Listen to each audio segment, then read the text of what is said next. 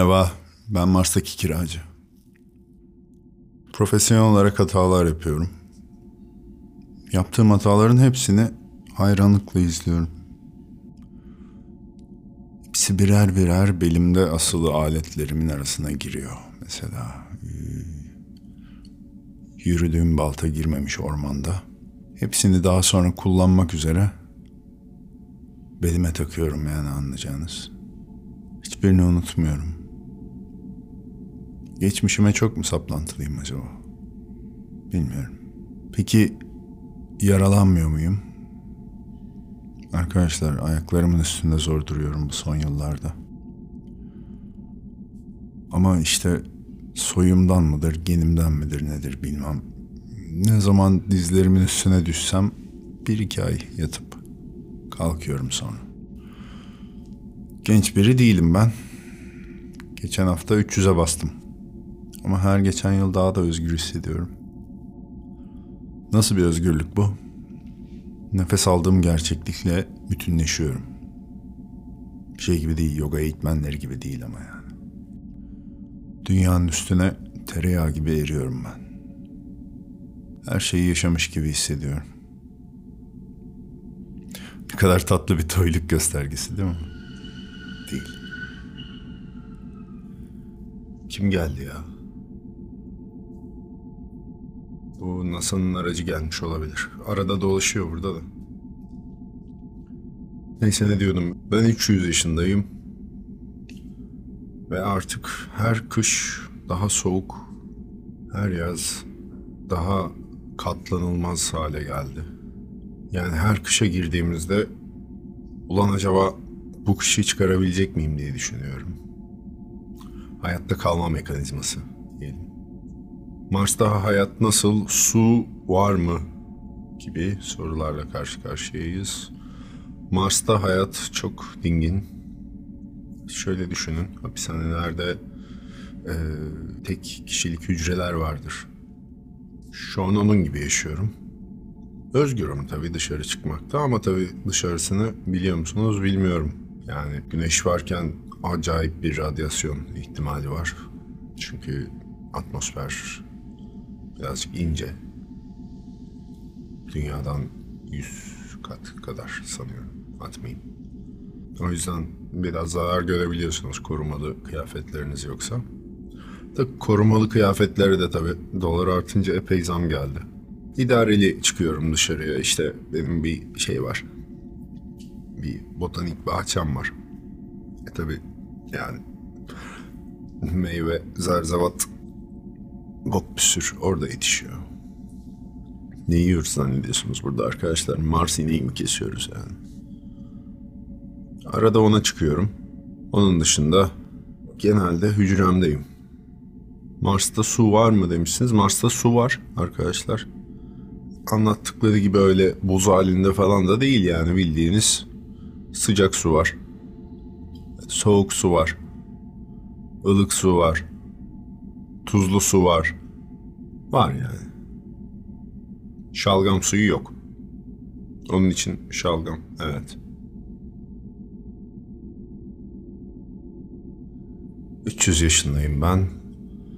Ve artık... ...karşıma çıkan herhangi bir durumu ince ince analiz edebiliyorum. Hatta bazen bir beklerken üç kazanıyorum. Övünmek gibi olmasın artık ama... ...yaşlanıyorum dedim ya... Yani bu kadar da olsun.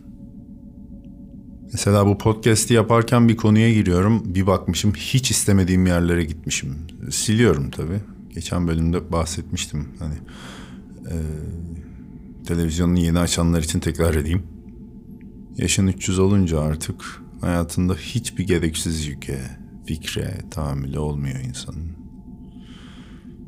Benim bakış açıma göre kötü bir şey mi yazmışım mesela? Siliyorum.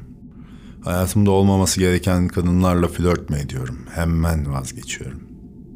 Benim iyiliğimi, sağlığımı umursamayan insanları fazla mı umursuyorum? Hemen kurtuluyorum. Ne oluyor biliyor musunuz? Basitleşiyorum. Sadeleşiyorum. Yelkenlerim doluyor böylelikle. Gövdem hafifliyor.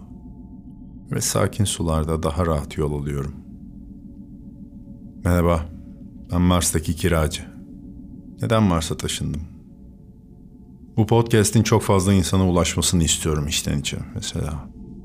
5 bin dinlensin, 100 bin dinlensin, 5 milyon dinlensin. Falan.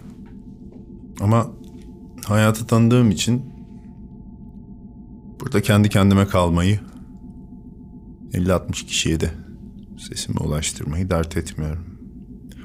Buradaki internetle dünyaya yayın yapmak çok kolay bir şey değil arkadaşlar. Online oyun falan oynayamıyorum mesela. Biraz gecikme oluyor çünkü. Bilenler bilir. Kendi kendime kalmayı dert etmiyorum.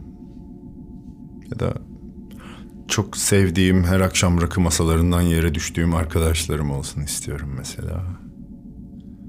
Ama tek başıma sofra kurmaya da razıyım. Çok param olsun istiyorum bazen. Bazen şımarıyorum. Birkaç hayalim var. Bunları gerçekleştirmeye çalışayım. Ama sonra bedenimin yaşlandığını, Mars'ta bir göz odada PlayStation oynadığımı görüyorum mesela. Onu da sorun etmiyorum. Dünya tatlısı bir kadınla ömrümün geri kalanını geçirmeyi düşünüyorum mesela. Sonra hayatım boyunca yaşadığım yalnızlık geliyor aklıma. Ve hayat böyle de gidebilir diyorum. Ve affediyorum kendimi. Yapamadığım şeyleri başaramadığım için kendimi avutuyorum. Yapamayacağım şeylerin üstüne üstüne gittiğim için kendimi affediyorum. Yapamayacağına nereden vardın diyor kişisel gelişim kitaplarını hatmetmiş arkadaşlar. Bazıları görmüyorlar. Bu yaşadığınız şey aslında bir tırmanışın illüzyonu. Yani kendinizi inandırdığınız o yükselişin olacağına eminliğinizin e, aslında bir illüzyon olduğunu anladığınız anda biraz üzüleceksiniz. Yani öbür tarafa da hazırlıklı olmalı insan. Kötüyü çağırmayın tabii ki ama. Yani her şey her zaman iyi olursa iyi olanın kıymeti kalmaz. Basit. İnsan alışır çünkü. Bahsettiğim tüm senaryolara alışır insan. Hatta daha ağırlarına alışır. Ben yaptığım her şeyde kürek kemiklerimin arasında sırtımda kocaman ve sıcak bir elin sırtımdan beni hafifçe desteklediğini hissediyorum. Sonra o elin yaşlanmış halimden başka hiç kimse olmadığını anlıyorum. Ya eskiden öyleydi. Artık biliyorum. Deli diyorlar bana. Resimler değişemez. Herkesin gittiği yoldan gitmediğim için primitif bir topluluk tarafından dışlanmak gözümde büyümüyor benim.